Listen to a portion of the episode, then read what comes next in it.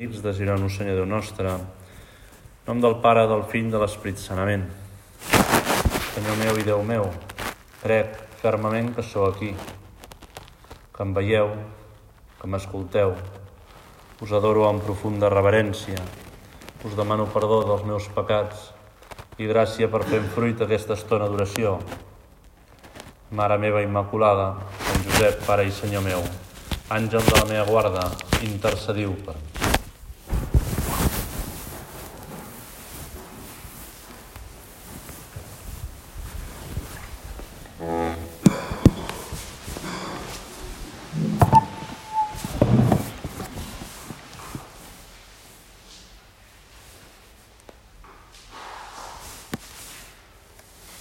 Amb la vostra llicència, sobirà Senyor sacramentat,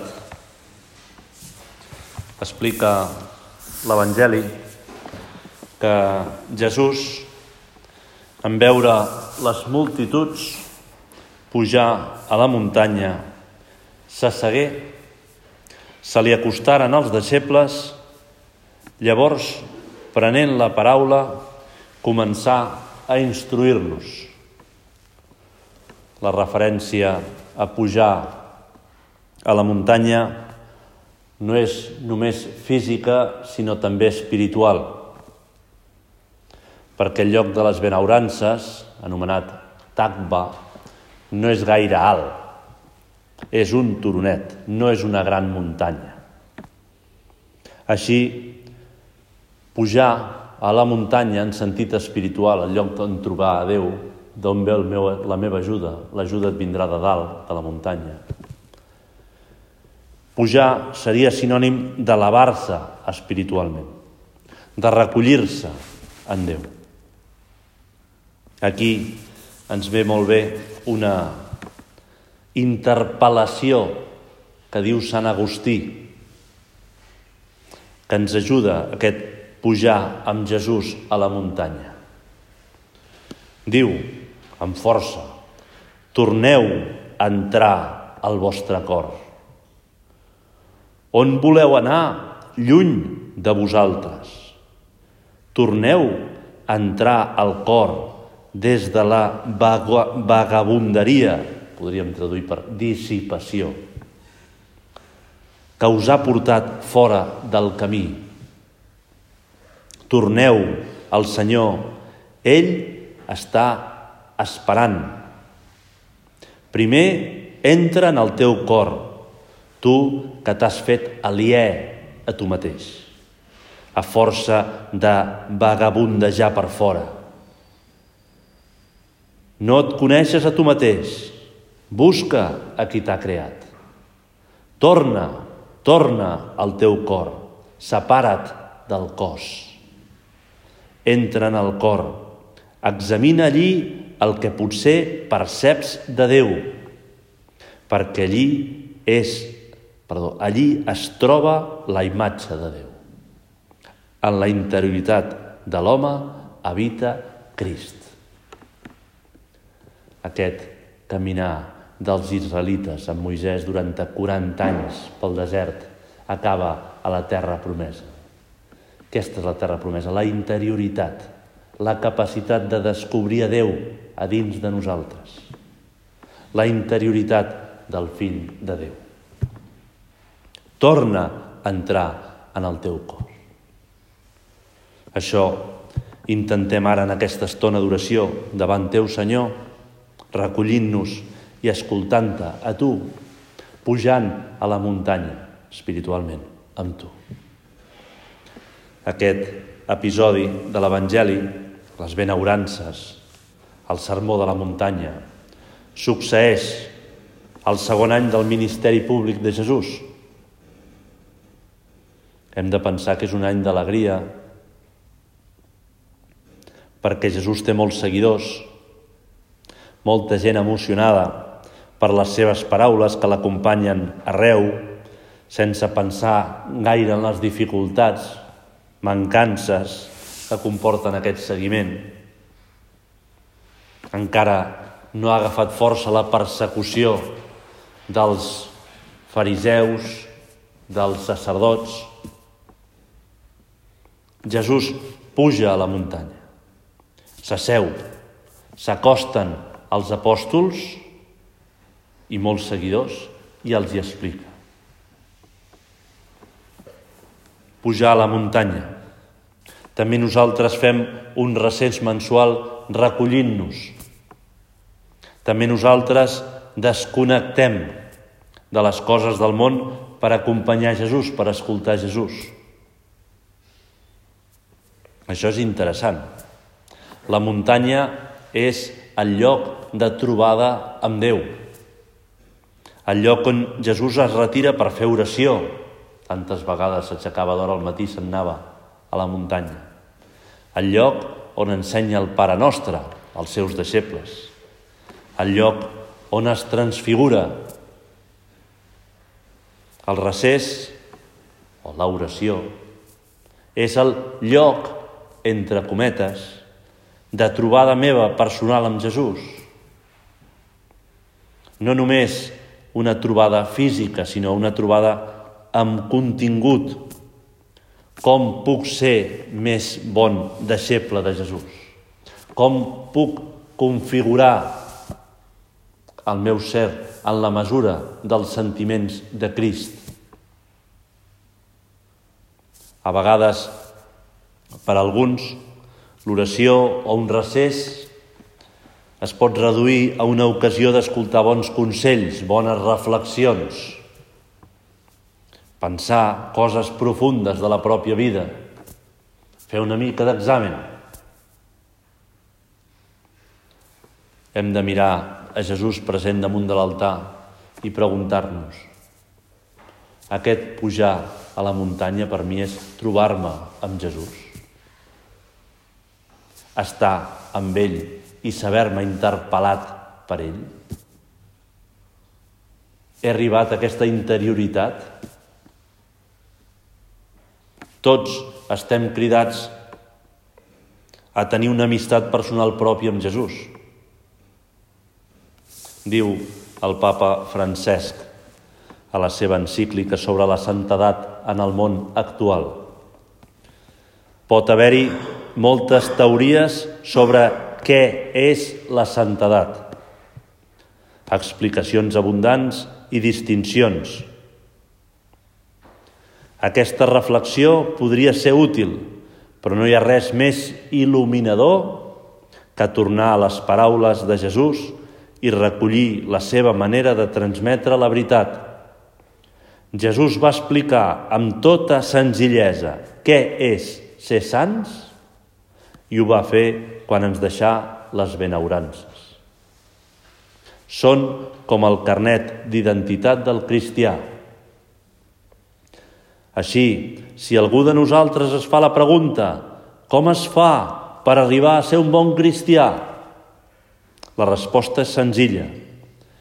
Cal fer cadascú a la seva manera allò que diu Jesús en el sermó de les benaurances. En elles es dibuixa el rostre del Mestre que som cridats a transparentar en el dia a dia. Molt forta aquesta frase final, eh? En elles es dibuixa el rostre del Mestre que estem cridats a transparentar cada un en el dia a dia. Tenir els sentiments de Jesús. Aquesta és la gran gràcia també de la Quaresma arribar a ser un altre Crist. Així, Jesús ens porta tots a dalt de la muntanya.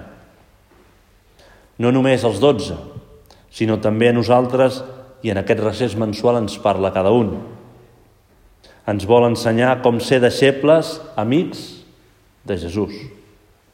Com ser, en paraules de, del nostre Pare, un altre Crist, el mateix Crist, Això mateix és el que el papa Francesc ens diu transparentar el rostre de Jesús. Moltes vegades, però, escoltem les benaurances i quedem una mica atordits.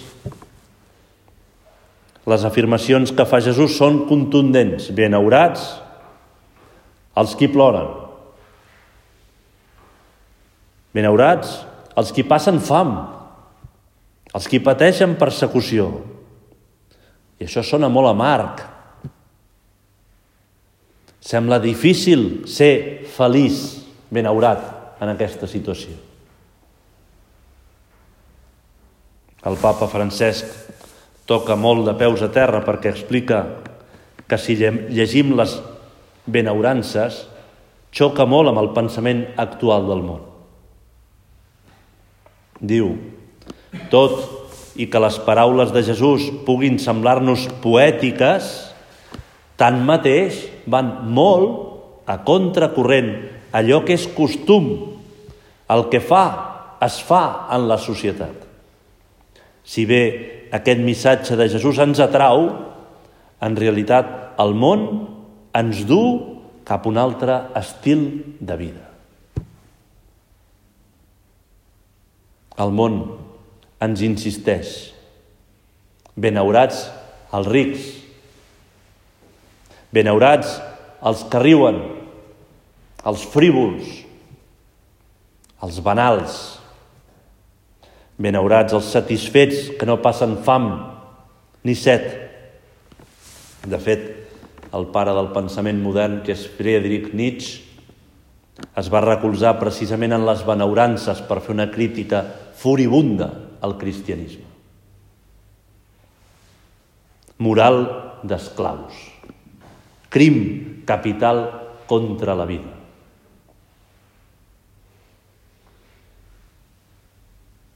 Si ens parem un moment davant teu, Senyor, podem pensar.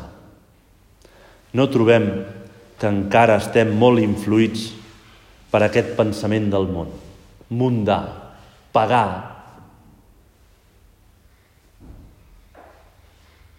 que acceptem amb tristesa l'adversitat, la creu, la mancança.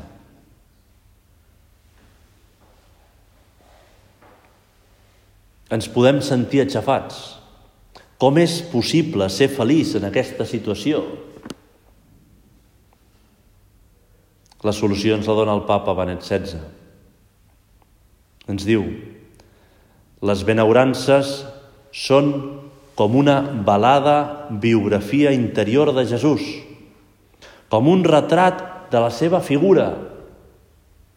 En les benaurances es manifesta el, el misteri del mateix Crist i ens crida a entrar en comunió amb ell. Jesús és feliç plorant perquè té misericòrdia.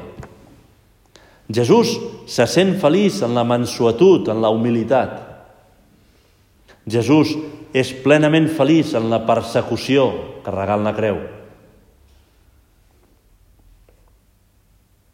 Ens crida a entrar en comunió amb ell, acabava el papa Benet XVI. Nosaltres hem d'esdevenir un altre Crist, que ens sentim feliços tenint misericòrdia, que ens sabem feliços en la humilitat. Hem d'arribar a tenir els mateixos sentiments de Crist. I per això hem de mirar amb molta intensitat al Senyor, perquè ell ens vol mostrar el seu veritable rostre, ens vol donar les llums necessàries en aquesta quaresma, perquè descobrim quines coses ens aparten d'ell, amb quines coses no reflectim el seu rostre.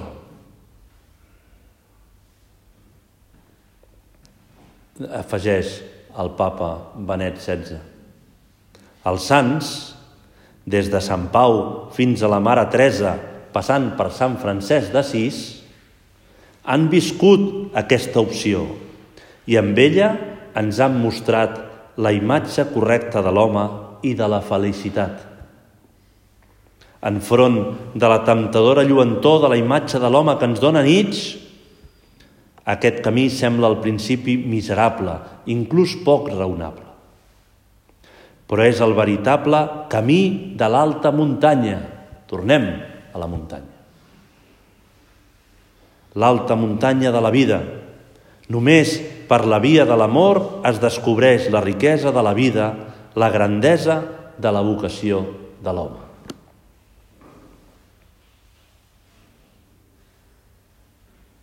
Tenim el rostre de Jesús transparentat en la vida dels sants. Va molt bé llegir biografies de sants. És com apropar-nos a la nostra realitat, al rostre de Jesús, al cor de Jesús, als sentiments de Jesús, fer-los concrets, materials. És molt útil llegir vides de sants.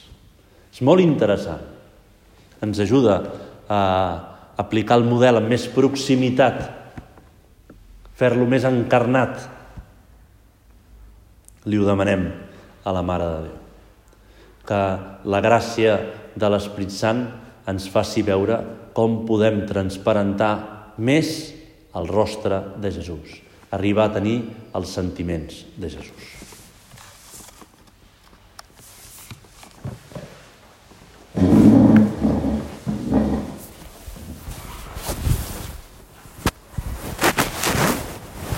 dono gràcies, Déu meu, pels bons propòsits, efectes i inspiracions que m'heu comunicat en aquesta meditació. Us demano ajuda per posar-los per obra.